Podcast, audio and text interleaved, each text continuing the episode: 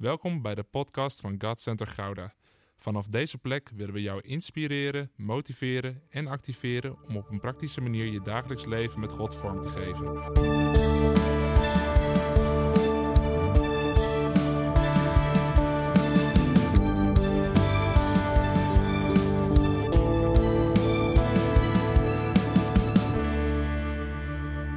De titel van de boodschap vandaag is Kom hoger op.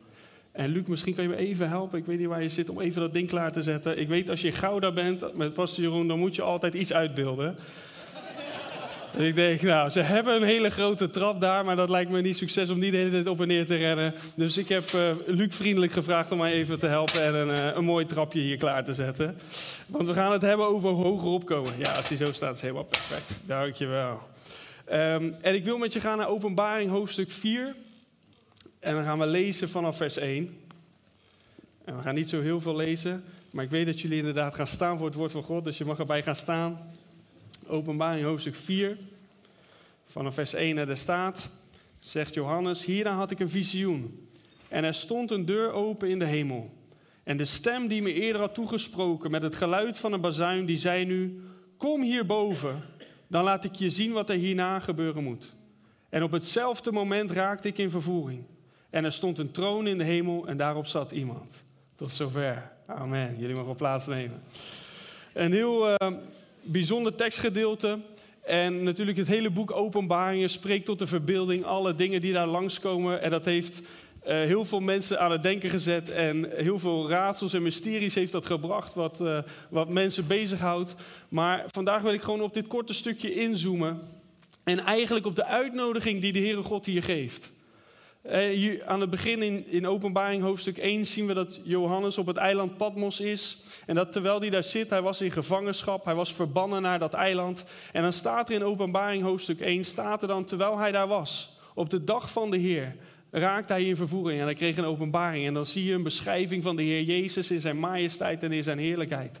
En dat is eigenlijk het eerste van, we gaan het zo meteen hebben over openbaring en over dingen die God ons wil laten zien. Maar de grootste en mooiste openbaring die je kan hebben is van de Heer Jezus zelf. Amen. Er gaat niks boven zijn majesteit, zijn almacht. En dat is het mooiste wat je kan ontdekken in je leven, dat Jezus de opgestane Heer is. Dat hij niet alleen die gekruisigde Heer is, die gestorven is voor onze zonden, maar dat hij opgestaan is in majesteit. Dat hij de koning is. Dat hij de sleutels, zoals in openbaring 1 staat, van de dood en het dodenrijk heeft. Dat hij het alfa en de omega is, het begin en het einde. Amen. En dan zien we dus daarna dat hij die openbaring heeft gekregen in openbaring 1. Begint God tot hem te spreken en geeft hem de opdracht zeven brieven te schrijven aan zeven gemeenten. Dat zijn openbaring hoofdstuk 2 en 3. En dan komen we vervolgens in openbaring hoofdstuk 4 aan. En daarin krijgt hij opnieuw een visioen. En hier de tekst die tot hem gesproken wordt, er staat: Hij zag een deur openstaan in de hemel. En dat is gelijk mooie beeld ook voor ons. Hij zag, hey, de deur in de hemel staat open. Vanwege wat we net in openbaring 1 hebben gezien, de openbaring dat Jezus de opgestane Heer is, is de deur in de hemel is open. Hij zag dat. En vervolgens staat daar de stem die eerder hem had toegesproken met het geluid van een bezuin, de stem van de Heer, die zei tegen hem, kom hierboven. Andere vertaling staat, kom hoger op. En dat is de uitnodiging die de Heer ons geeft. Hij laat ons zien, hé, hey, de deur staat open en ik nodig je uit, ik roep je op, kom hoger op. En ik geloof dat is wat God wil zeggen tegen de gemeente hier vandaag en tegen jou persoonlijk ook. Kom hoger op. Ik nodig je uit om hoger op te komen. Ik nodig je uit om te komen en te kijken vanuit hemels perspectief. Zo vaak zitten we vast vanuit onze aardse mentaliteit, onze aardse blik, kijken we naar de dingen. Alleen wij mogen weten, in Efeze 1 zegt Paulus dat wij gezeten zijn in de hemelse gewesten met Christus Jezus. Misschien ben je daar niet altijd bewust van, maar dat is een, een geestelijke hemelse realiteit. Wij zijn gezeten in Christus. Daar hebben we niks voor hoeven doen. Maar op het moment dat we tot geloof kwamen, dat Jezus de Heer werd in ons leven, zitten we samen met Hem op de in, op, in de troon. En dat, is, dat gaat eigenlijk ons verstand te boven, dat kunnen we niet bevatten, maar dat is een realiteit. Wij zijn geestelijke wezens in de natuurlijke wereld. Zijn hier geestelijke wezens vandaag? God heeft ons geschapen. De Bijbel zegt: God is geest. En hij heeft ons geschapen naar zijn beeld. Dus wij hebben een lichaam, maar wij zijn een geest. We zijn een geestelijk wezen. En we zijn bestemd om ook te leven vanuit die realiteit. Vanuit de geest. Daar gaan we het over hebben vandaag. Wat betekent het nou om hoger op te komen? we hebben net gezegd, Johannes kreeg die uitdaging en ik geloof God spreekt daar ook doorheen tot ons. Hij liet zien, die deur staat open en hij spreekt, kom hoger op. En dat is de uitnodiging voor ons. En vervolgens is het aan ons hoe we daarmee omgaan. En we weten, God heeft grotere dingen voor ons. God heeft dingen voor ons die ons verstand te boven gaan. God heeft zoveel voor ons weggelegd. Maar het is wel aan ons om op die uitnodiging in te gaan en die stap van geloof te zetten. Even kijken hoe stevig dit ding is. Hij gaat mee, zie je dat? om een stap van geloof te zetten en zeggen: Ja, u nodigt mij uit. U roept mij op, kom hoger op. Maar ik ga in op die uitnodiging. Ik zet een stap van geloof. En het is telkens een stap zetten. En wat er gebeurt is, je moet even die aardse realiteit moet je even loslaten. Weet je, dit is veilig. Sommige mensen denken dat podium voelt helemaal niet veilig. Maar ik bedoel gewoon met je beide beentjes op de grond. Dat is hoe wij Nederlanders zijn. Gewoon nuchter zijn. Alleen ik heb ontdekt, als kind van God mogen wij leven hier op aarde met onze voeten in de modder, met onze voeten in de klei. Gewoon nuchter zijn en onze dingen doen hier op aarde, maar met onze hoofd in de wolken. Amen. Levende vanuit een, een hemelse realiteit. Dat ons denken, ons wezen vervuld is vanuit Gods gedachten. Want het gevaar is als wij met onze voeten in de modder staan, dat we onder de indruk raken van alle dingen die hier op aarde bezig zijn. En dat we de zicht verliezen op Gods werkelijkheid. En dan gaan we zo meteen met elkaar zien, want Gods werkelijkheid is, hè, zo meteen zie je, wat krijgt Johannes dan te zien als hij een inkijkje krijgt in de hemel? En dat zijn drie verschillende dingen, daar gaan we samen naar kijken vandaag. Zijn jullie benieuwd wat het is? Yes. Want weet je wat er gebeurt op het moment dat we hoger op gaan komen, op het moment dat we ingaan op die uitnodiging van de Heer, dan verandert ons perspectief. En het eerste wat verandert, want je ziet op het moment dat we lezen in Openbaring 4, vers 1, dan zegt de Heer tegen hem: Kom hoger op, kom hierboven. En wat zegt hij dan?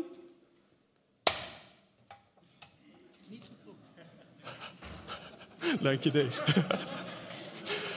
wat gebeurt er dan op het moment dat we hoger opkomen? Dan wordt het spannend. maar dan zegt hij: Dan zal ik je laten zien wat hierna geschieden moet. Op het moment dat je hoger opkomt, betekent dat je een uitzicht gaat krijgen. Wat verandert dit in ons perspectief? Ik krijg een uitzicht. Ik, ik kan zien vooruit.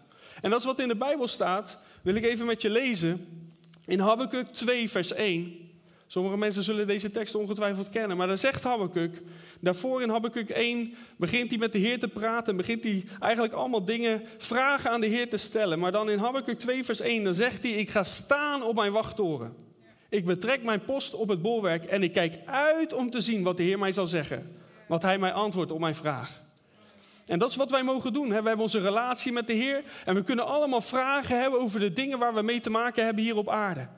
Maar wat we moeten doen is, we moeten komen op het niveau van God. We moeten komen en leren kijken vanuit zijn perspectief. We moeten ingaan op die uitnodiging om hoger op te komen. En dan kunnen we vooruitzien. We, we zetten die stap om onze wachtpost te betrekken. En wat is dat nou? Dat is onze relatie met de Heer. Dat is onze tijd van gebed. Als je wil leren kijken vanuit het perspectief van God, is het belangrijk dat je, dat je tijd van gebed apart gaat nemen. Weet je, Johannes kreeg al deze prachtige openbaringen, maar wat was zijn situatie waarin hij dat kreeg? Hij was op het eiland Patmos verbannen vanwege zijn toewijding aan de Heer. Weet je, ik, in het Engels klinkt het wat mooier, maar consecration leads to isolation en isolation leads to revelation. Jouw toewijding aan de Heer zorgt ervoor dat je je apart zet voor de Heer. En doordat je je apart zet voor de Heer, ontvang je openbaring van de Heer. Want God wil tot ons spreken, maar soms kan hij ons niet bereiken, omdat wij hier beneden bezig zijn met alle dingen die hier gebeuren. En God zegt, hé, hey, ik nodig je uit, kom hoger op. Ik wil je laten zien wat hierna gebeuren zal. In Amos 3 staat er, God doet geen ding dan dat hij het laat zien vooraf aan zijn profeten. En dan denk je misschien van, ja, ik ben geen profeet. Maar alle kinderen van God zijn profetisch. Jezus zegt in Johannes 10, mijn schapen kennen mijn stem. Met andere woorden, wij worden geleid door hem. We worden geleid door de geest. He, Romeinen 8 zegt Paulus, wat is het kenmerk van kinderen van God? Is dat ze door de geest van God geleid worden. Dus God wil ons allemaal meenemen in zijn perspectief en dan wil ons laten zien vanuit zijn oogpunt. En het eerste wat hij ons laat zien is dat hij ons een vooruitzicht geeft. Dat hij ons laat zien datgene wat er geschieden staat, wat er gebeuren staat. En dit klinkt natuurlijk allemaal heel zweverig, dus ik hoor u vragen, maak het praktisch voor me. Ik, ik wil een voorbeeld geven vanuit mijn eigen leven. Wij hebben afgelopen jaar, in januari hadden we dat verteld, aan uh, eind afgelopen jaar met de kerst, dat onze middelste dochter Jessra heel ziek werd. Dat uh, werd opgenomen in het ziekenhuis. We hebben een tijd daar, uh, zijn we daar verbleven. Uiteindelijk is ze helemaal hersteld. Gaat weer helemaal goed met haar.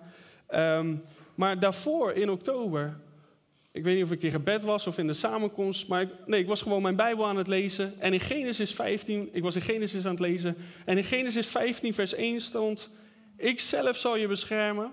Ik zal een schild voor je zijn en je beschermen. Wees niet bang, staat daar. En ik las dat en het, herken je dat soms? Dan lees je en dan komen die letters van de pagina af en dan komt het boem zo binnen. Wie herkent dat? Het, woord is een levend woord. Amen. De geest maakt het levend voor ons, maakt het reëel voor ons. En ik zat op dat moment van, Heer, u zegt dit tegen mij, u geeft mij een belofte. Ik weet heel sterk, u zegt dit nu tegen mij. Alleen op dat moment, alles ging prima, alles ging voor de wind. Ik denk, Heer, ik weet het niet. Misschien, misschien vergis ik mezelf, maar ik ervaar dat u dit tegen mij spreekt. En in december, net voor de kerst, opgenomen in het ziekenhuis en toen kwam die tekst weer terug. Ik had opgeschreven voor en in mijn Bijbel. Wees niet bang, ik zelf zal je schild zijn en je beschermen. Zo wil de Heer ons laten zien, van tevoren ons voorbereiden op dingen. Hij wil ons, als we komen, vooruit, als we, als we komen op zijn niveau, als we hoger opkomen, wil hij ons dingen laten zien die nog moeten gebeuren. Waarom? Omdat hij ons wil voorbereiden. Weet je, een vooruitzicht helpt ons soms om voorzichtig te zijn. We zien het al aankomen. Dat kan zijn hè, dingen die, die de duivel probeert te doen om je te, om je te harmen, om je kwaad te doen dat de Heer je van tevoren al bewust maakt van, hey, let hierop, wees waakzaam hiervoor. maar hij kan je ook al een belofte geven als er iets van een storm aankomt, dat je mag weten, hey, ik mag veilig zijn daarin. Maar soms laat hij ook dingen zien wat hij wil doen. dus waarom doet hij dat? Not to scare you, but to prepare you. Niet om jou bang te maken, maar om jouw hart klaar te maken voor datgene wat er op je afkomt. En dat is het geweldige voorrecht van onze relatie die we, die we hebben met de Heer. Want hij zit op de troon, hij ziet alles. Maar hij wil ons deelgenoot maken van zijn informatie. Het wordt een droge preek, dus we nemen even een slokje. Dankjewel, Talita. Dus dat is het eerste wat er gebeurt. Als, als wij komen, hoger komen, als we op het niveau van God komen, is het dat wij vooruitzicht krijgen. Dat we foresight krijgen. Dat we dingen kunnen zien nog voordat ze gebeuren. Het tweede wat er gebeurt, is dat we inzicht gaan krijgen in Gods hart en zijn gedachten. Velen van ons zullen die tekst kennen, Jesaja 55, waar staat, hè, dan zegt de Heer, mijn wegen zijn niet jullie wegen, uh, sorry, jullie wegen zijn niet mijn wegen, jullie gedachten zijn niet mijn gedachten, die zijn zoveel hoger dan dat. We kennen dat toch? En dat wordt ook vaak aangehaald als er situaties, als er dingen zijn die we niet begrijpen, dan halen we die tekst aan. Goed om te weten, die context spreekt over goddelozen, want als je daarvoor leest, dan gaat het over mensen die goddeloos zijn, die opstandig zijn. Dus ik geloof niet dat dat zozeer op ons van toepassing is. Maar natuurlijk zijn er situaties waarin we niet God kunnen begrijpen. Maar daarom is het belangrijk om inzicht te hebben in het hart van God. Weet je, soms kan je niet altijd begrijpen wat wij hier op aarde meemaken en de situaties waar we in zitten. En daarom is het belangrijk om hoger op te komen. Want de Heer is daarboven, we weten, Hij is daar gezeten op zijn troon. Hij zit daar. God is in de rust, gaan we zo meteen zien.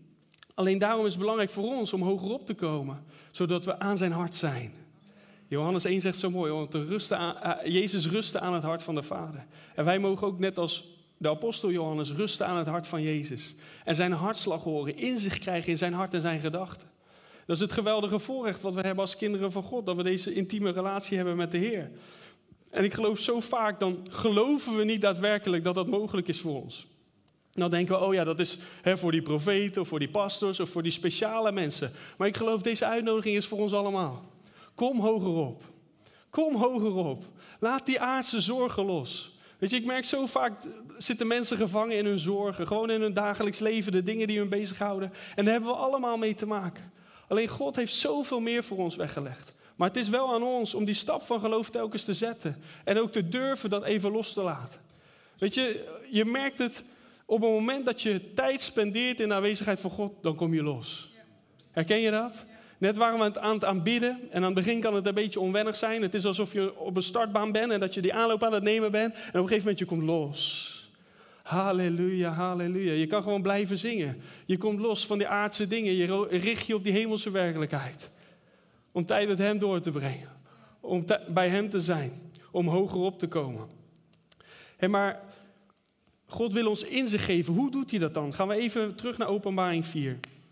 Die stem had hem toegesproken, die zei: Kom hierboven, ik laat je zien wat hierna gebeuren moet. En dan vers 2: Op hetzelfde moment raakte ik in vervoering. In het Engels staat op hetzelfde moment: I was in the spirit. Ik was in de geest gekomen.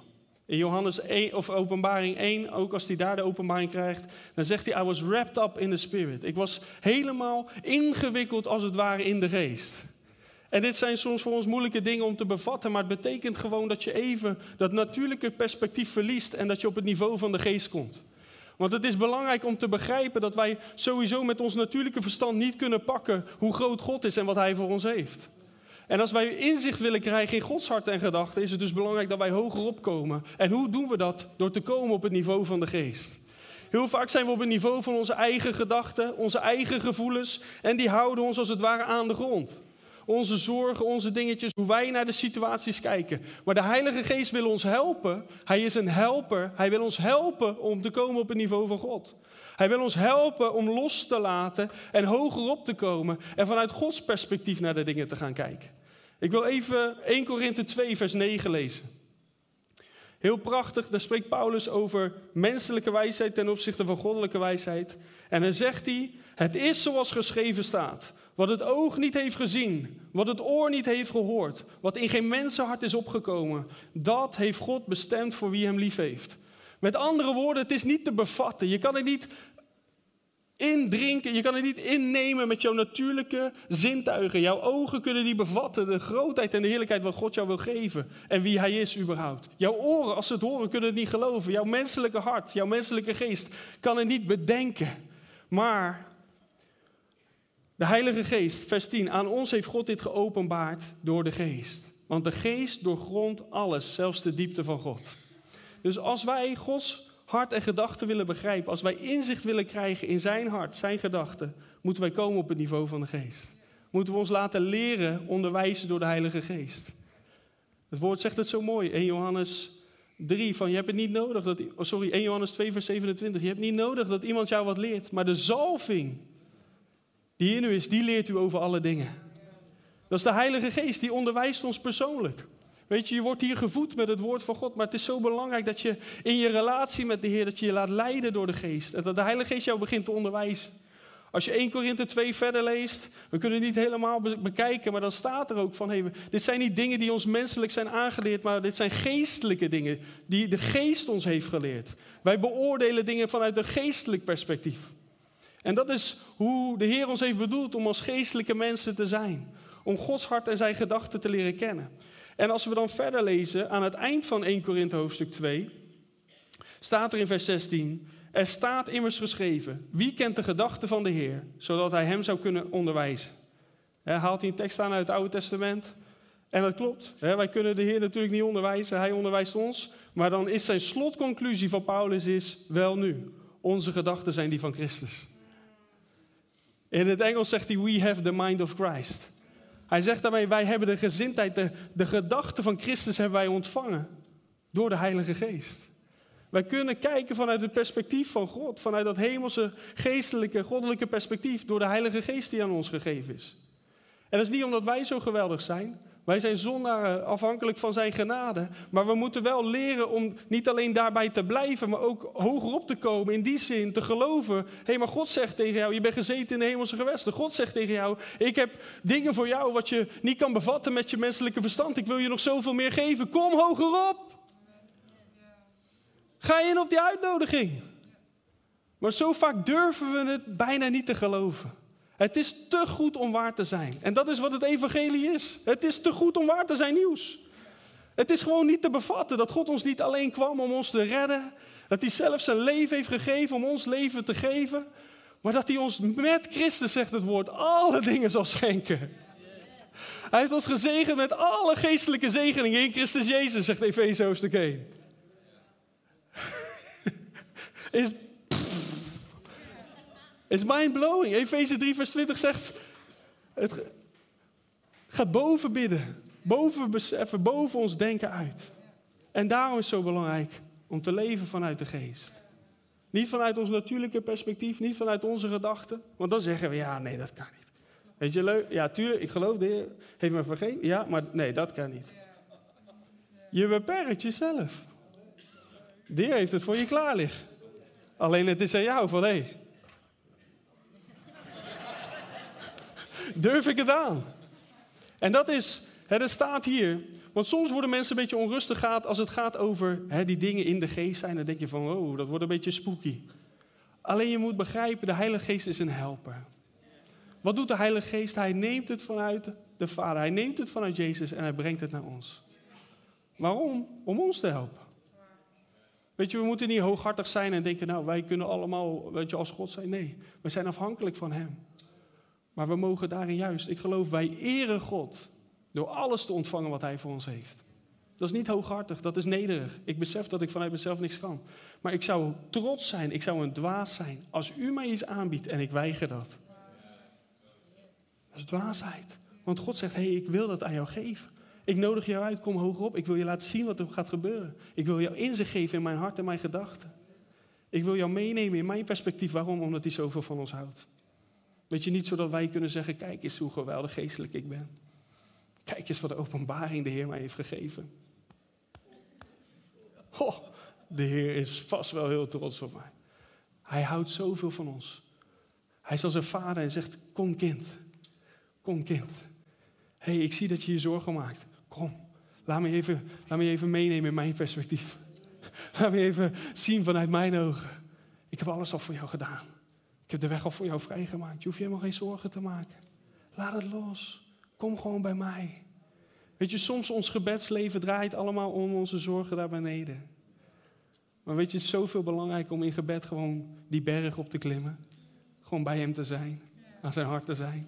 En dan kom je van die berg af en dan denk je, al die problemen, wat maakt het allemaal uit? Die berg in mijn natuurlijke ogen stelt helemaal niks voor. Weet je, op het moment dat je bij de Vader bent, op het moment dat je in de aanwezigheid van de Heer bent, dan verdwijnen al die problemen als sneeuw voor de zon. Dat betekent niet dat je ogen sluit voor de werkelijkheid, maar dat betekent dat je weet, er is een hogere werkelijkheid.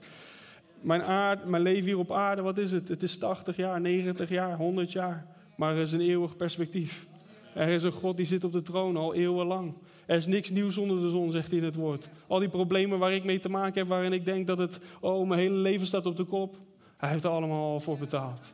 En hij is met ons bezig. Hij is zo liefdevol betrokken in ons leven. En hij nodigt ons uit om hoger op te komen. Dus het eerste is dat we vooruitzicht mogen krijgen, dat we mogen zien de dingen die staan te gebeuren. Het tweede is dat we inzicht mogen krijgen in Gods hart en zijn gedachten. En het derde is, en dan lezen we weer verder in Openbaring 4. Hij zegt, kom hierboven, ik laat je zien wat hierna gebeuren moet. Op hetzelfde moment raakt hij in vervoering. Weet je op welk moment, om daar nog even bij stil te staan? Op het moment dat die stem tot hem sprak. Het woord en de geest werken altijd samen. God sprak en op hetzelfde moment was hij in de geest. Weet je, als God tot ons spreekt, dan brengt het ons op dat niveau van de geest. De Heilige Geest openbaart het woord aan ons het woord openbaart ons het niveau van God, de gedachten van God. Dus daarom is het zo belangrijk, sommige mensen die, die zijn heel erg zo. Je hebt van die profetische mensen die zweven de hele tijd op dit niveau. En soms denk je, oké, het is tijd om even te landen, weet je. We zijn hier nog op aarde, we hebben nog met bepaalde dingen te maken. Maar daarom is de balans van woord en geest zo belangrijk. Weet je, door woord en geest te hebben, woord houdt je gegrondvest. Houd je gesecured, houd je zeker dat je je niet verliest in allemaal openbaringen of allemaal dingen die te wonderlijk voor ons zijn. Want we hoeven deze dingen niet te zoeken. De Heer wil het ons gewoon geven vanuit onze relatie met Hem. Dus het woord houdt ons gegrondvest, houdt ons vast in Hem, in de zekerheid van wie Hij is en Zijn redding en Zijn geboden, wat Hij van ons vraagt. En de Geest helpt ons om te zweven op de wind van Hem. Helpt ons om er bovenuit te stijgen, boven onze omstandigheden en te kijken vanuit Zijn perspectief. En dat is wat het derde is, wat de, wat de Heer ons geeft op het moment dat we hoger opkomen, is overzicht. Als je ziet hier, hij raakte op hetzelfde moment in vervoering, hij kwam in de geest en dan ziet hij dit. Er stond een troon in de hemel en daarop zat iemand. Wat was die openbaring? Ik heb het net al verklapt, maar hij ziet Jezus daar zitten op de troon. Dat is de grootste, de mooiste, bijzonderste openbaring die je kan hebben. Maar dat is tegelijkertijd wat ons helpt om te begrijpen van oké, nogmaals, we hebben hier met ons aardse perspectief te maken en onze dingen. Maar op het moment dat we gaan kijken vanuit Gods perspectief, dan zien we Jezus zitten op de troon. Hij zit daar op de troon. Weet je, ik vind dat altijd zo'n geruststelling. De Heer Jezus is niet in de hemel aan het ijsberen van, oh nee, Oh nee, zie je nou wat er allemaal gebeurt op de aarde? Zie je nou wat die mensen voor zooitje ervan maken? Zie, oh nee, hoe moet het nou gaan? Hij ziet alles van tevoren al. Hij weet het hart van God en de gedachten van God. Maar hij heeft overzicht.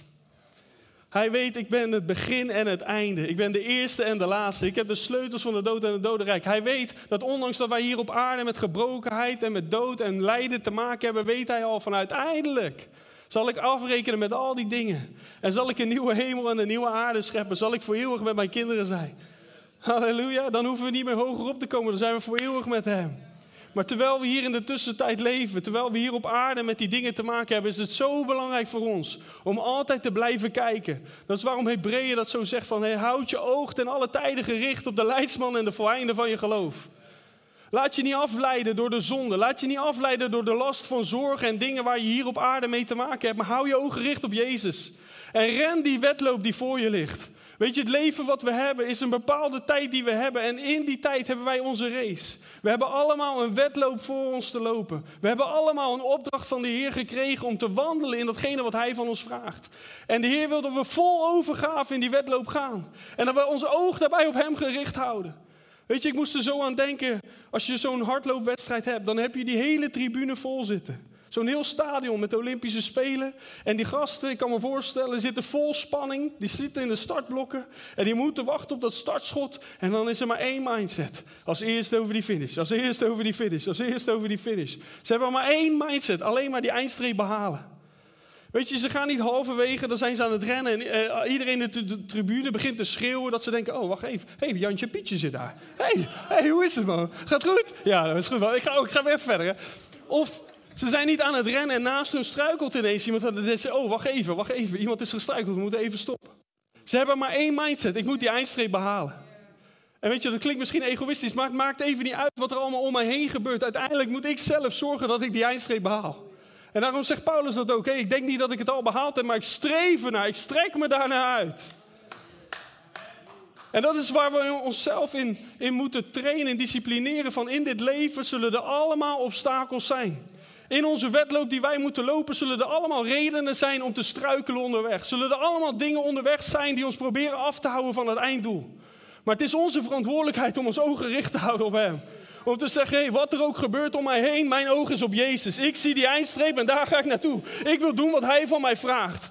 Weet je, ik kan me verliezen in alle details hier op aarde, maar ik ben hoger opgekomen. Ik heb zijn hart leren kennen. Ik heb inzicht gekregen, zijn hart en zijn gedachten. Ik heb een overzicht gekregen. Heer, dit is mijn leven, dit is de tijd die ik heb. Ik wil het laten tellen voor de eeuwigheid. Ik ga rennen tot die eindstreep. En we mogen wandelen met de Heer. Vanuit rust en vrede. Dat is het wonderlijke met het leven met de Heer. Hij zegt, wandel met mij. Lekker aan zijn hand. Oh, halleluja. Genieten van zijn genade, maar tegelijkertijd rennen voor de Heer. Het kan allebei. Het kan allebei. Het is een, het is een houding. Het is een hartshouding. En om te zeggen van Heer, wat er ook gebeurt. Ik, ik hou mijn oog op u. Ik hou mijn oog op u weer. Ik verlies me niet in het aardse perspectief. Tuurlijk word ik soms geraakt. Ik had laatst, misschien ken je die Aquarius reclame van vroeger, de man met de hamer. Is oud. dan was er ook zo'n hardloopwedstrijd en dan zie je de man met de hamer. dat is een term die ze gebruiken in, het hardlopen, daar ben ik niet zo in thuis, daar kan pas je meer over vertellen. Maar dat er een punt komt dat je op een doodpunt zit. En dat noemen ze het man met de hamer moment. Dat je uit het veld geslagen wordt. En ook in ons leven zullen wij die man met de hamer momenten meemaken. Dat je ontmoedigd raakt. Dat je uit het veld geslagen raakt. Daar gaan jullie het vanavond over hebben. Dat je denkt, heer, hoe kan dat nou? Hou het overzicht. Zie nog steeds vanuit het hemelse perspectief. Jezus zit op de troon. Hij zit op de troon. Hij is in de rust. Hij heeft de overwinning al behaald. De Bijbel zegt, de tekst blijf ik even schuldig, maar er staat, hij wacht daar totdat al zijn vijanden als een voetbank onder zijn voeten zijn gesteld. Jezus zit heerlijk op zijn troon en hij weet op een dag, Elke knie zal buigen. Elke tong zal beleiden dat Jezus hier is. Elke ziekte zal moeten onderworpen zijn aan de naam van Jezus. Elke dood zal mee afgerekend zijn. Elke, elke vorm van lijden, elke vorm van gebrokenheid zal zich moeten schikken en onderwerpen aan mij. Dat is de zekerheid die Jezus heeft. En dat is ook de zekerheid die wij mogen hebben als zijn kinderen. Als wij leren zijn hart, zijn gedachten en te leren kijken vanuit zijn perspectief. Dat overzicht te zien vanuit hem. En als we uiteindelijk, we gaan naar het slot toe, als we uiteindelijk verder lezen in Openbaring 4, dan zie je allemaal prachtige dingen die hij daarna krijgt te zien. heb ik het vorige week in Utrecht over gehad, dus als je dat leuk vindt kun je dat terugkijken. Maar uiteindelijk is de slotsom dan zie je vanaf vers 8 dat de reactie is op al die openbaring, al die inzichten die Johannes krijgt doordat hij hoger opgaat. Uiteindelijk ziet hij wat is de slotsom daarvan? Is aanbidding. Er staat, er werd gezongen, heilig, heilig, heilig is God de Heer. De Almachtige, die was, die is en die komt. De heiligheid van God wordt benadrukt. De eeuwigheid van God wordt benadrukt. En dan staat er vers 9, telkens als deze wezens lof, eer en dank brengen aan degene die op de troon zit en die tot in eeuwigheid leeft, werpen de 24 oudsten zich neer voor hem die op de troon zit en aanbidden hem. Die leeft tot in eeuwigheid. En ze leggen hun kransen voor zijn troon met de woorden, u komt alle lof, eer en macht toe, Heere onze God. Want u hebt alles geschapen en uw wil is de oorsprong van alles wat er is.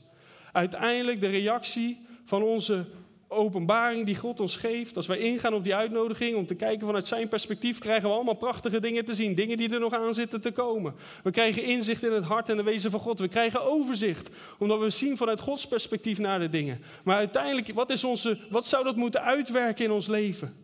Is ontzag voor God. Heilig, heilig, heilig bent u, Heer. En overgave en aanbidding naar Hem toe. U bent het waard. Alle lof, alle dank, alle eer. U bent het. Die al was aan het begin. u bent er nog steeds. U zit op uw troon voor eeuwig. Weet je, hoe hoger wij komen, hoe dieper wij moeten gaan. We moeten ons niet verliezen in openbaring of denken dat dat een doel op zichzelf is. Weet je, waarom wil God ons openbaring geven? Weet je, openbaring betekent dat er, dat, je, dat er iets onthuld wordt. Dat er een sluier voor je wordt weggenomen. Dat je iets ziet wat er eigenlijk altijd al was, alleen het was voor jou bedekt. En dat is ook op het moment dat we tot geloof komen, zegt de Bijbel, wordt die sluier weggenomen. De Heer Jezus was daar altijd al. Datgene wat hij heeft gedaan aan het kruis is daar altijd al geweest. Maar op het moment dat wij openbaring krijgen, dan wordt die sluier weggenomen. En dan zien we ineens, oh, dit is wie Jezus is, dit heeft hij voor mij gedaan. En dan ontvangen we dat. En zo begint ons geestelijk leven met openbaring. Maar zo zou heel ons leven doordrenkt moeten zijn van openbaring. Jezus zelf zegt als hij verzocht wordt in de woestijn, dan zegt hij tegen de duivel: Een mens zal niet leven van brood alleen, maar van ieder woord wat uit de mond van God uitgaat. Dan gebruikt hij het woord rema, de levende woorden van God, de woorden die God tot ons spreekt. Dat voedt onze geestelijke mensen. Daarom is het zo belangrijk niet alleen het woord te lezen, maar de Heilige Geest erin te betrekken en het levend voor je te laten maken. Want dat is waar jouw geestelijke mens door gevoed wordt en waardoor je verder gaat groeien. Maar wat dus het gevolg is van openbaring, is aanbidding. Nogmaals, niet dat wij onszelf gaan verhogen of dat wij denken dat wij zo geweldig zijn, maar dat we beseffen, hé, maar God is zo geweldig groot. Ik heb zo'n ontzag voor wie God is. Dat ondanks hij zo heilig is en dat hij eeuwig is en dat hij op de troon zit en die overwinning behaald heeft, dat hij mij wil betrekken in zijn perspectief. Dat is genade. Amen.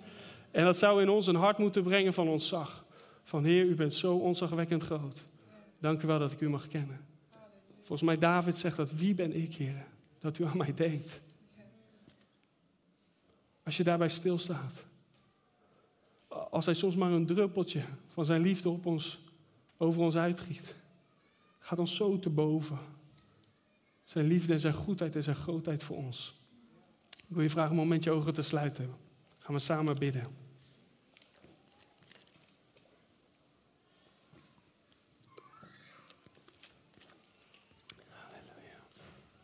Vader, dank u wel dat we hier zo samen mogen zijn in uw huis. Dank u wel, Heer, dat dit een plek is waar u zichzelf openbaart. Waar u bent in ons bidden, Heer, als wij u aanbidden. Dank u wel dat u vandaag ook, Heer, uzelf wil openbaren aan mensen. Heer, misschien voor de allereerste keer die sluier wegnemen. Om mensen te laten zien wie u werkelijk bent.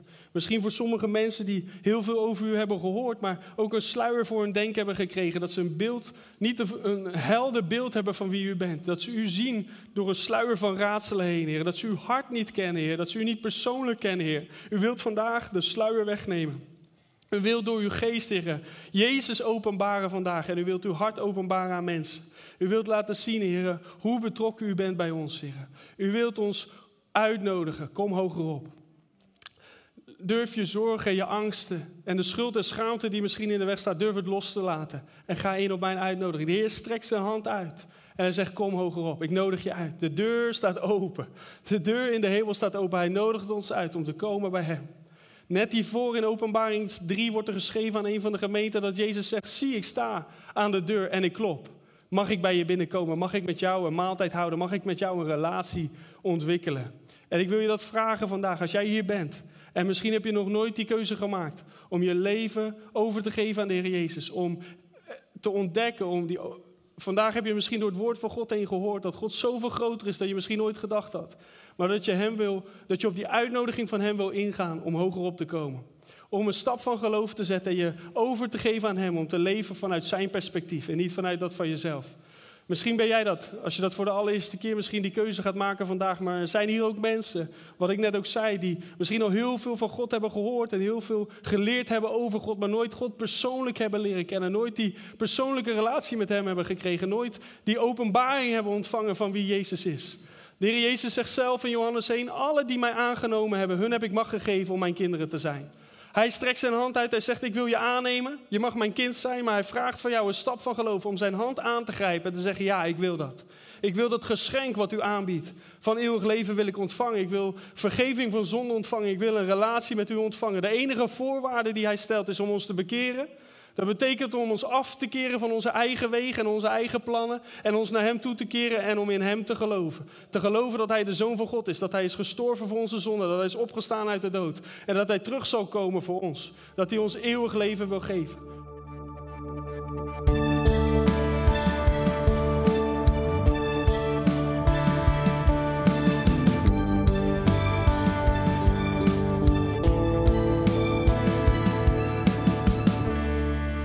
Voor het luisteren naar deze podcast.